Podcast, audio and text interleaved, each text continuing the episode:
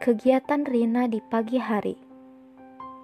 Pada pukul 5 pagi, seperti biasa Rina bangun tidur karena mendengar suara kokokan ayam. Kemudian, ia berdoa dan berterima kasih karena masih diberi kesempatan untuk beraktivitas. Setelah itu, Rina pergi ke kamar mandi untuk mandi dan wudhu. Air yang ia sentuh terasa sangat dingin dibandingkan saat siang hari dan itu membuatnya merasa segar seketika. Ia tidak mengantuk lagi, apalagi setelah ia menggosok gigi. Setelah selesai, Rina kemudian melaksanakan ibadah sholat subuh. Ia kemudian berdoa agar aktivitas di pagi hari itu bisa ia lalui dengan lancar dan penuh kebahagiaan.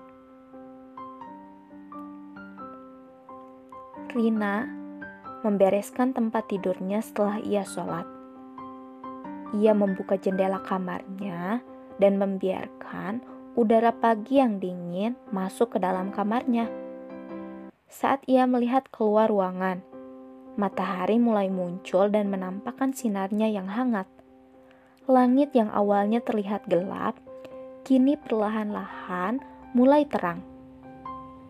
Ia kemudian menarik napas dalam-dalam Wah, segar sekali udara pagi ini. Ucapnya sambil merasakan udara pagi yang membalut tubuhnya. Ia merasa puas mengamati keadaan luar. Rina pun bergegas untuk bersiap pergi ke sekolah. Pada pukul 6 pagi, Rina sudah siap dengan seragam dan peralatan sekolahnya. Ia kemudian sarapan bersama keluarganya. Rina memiliki satu orang kakak.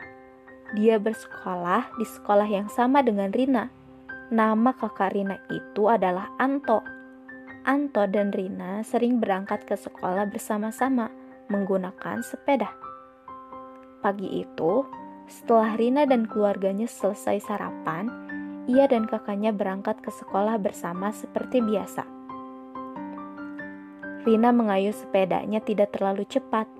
Ia sesekali melihat dan mengamati keadaan di jalan. Ia kemudian menemukan banyak sekali pohon yang berjajar di sepanjang perjalanan.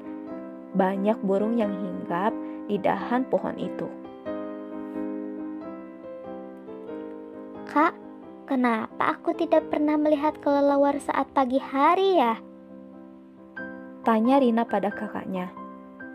Anto yang mengayuh sepedanya tak jauh dari sepeda Rina, kemudian ikut memperhatikan burung di dahan pohon.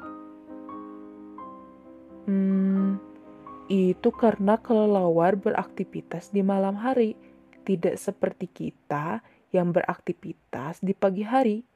Begitu juga dengan burung hantu, tapi tidak semua hewan seperti itu ada juga hewan yang beraktivitas di pagi hari, contohnya kucing, kerbau, ayam, dan kambing. Jawab Anto.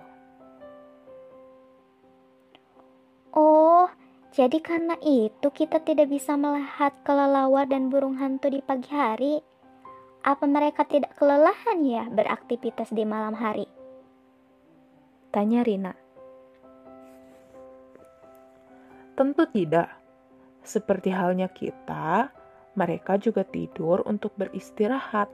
Tapi kelelawar dan burung hantu beristirahat di pagi hari dan beraktivitas di malam hari. Jawab Anto. Oh, aku mengerti sekarang. Jawab Rina. Rina dan Anto kemudian melanjutkan perjalanannya ke sekolah. Mereka melakukan aktivitas di pagi hari itu seperti biasanya.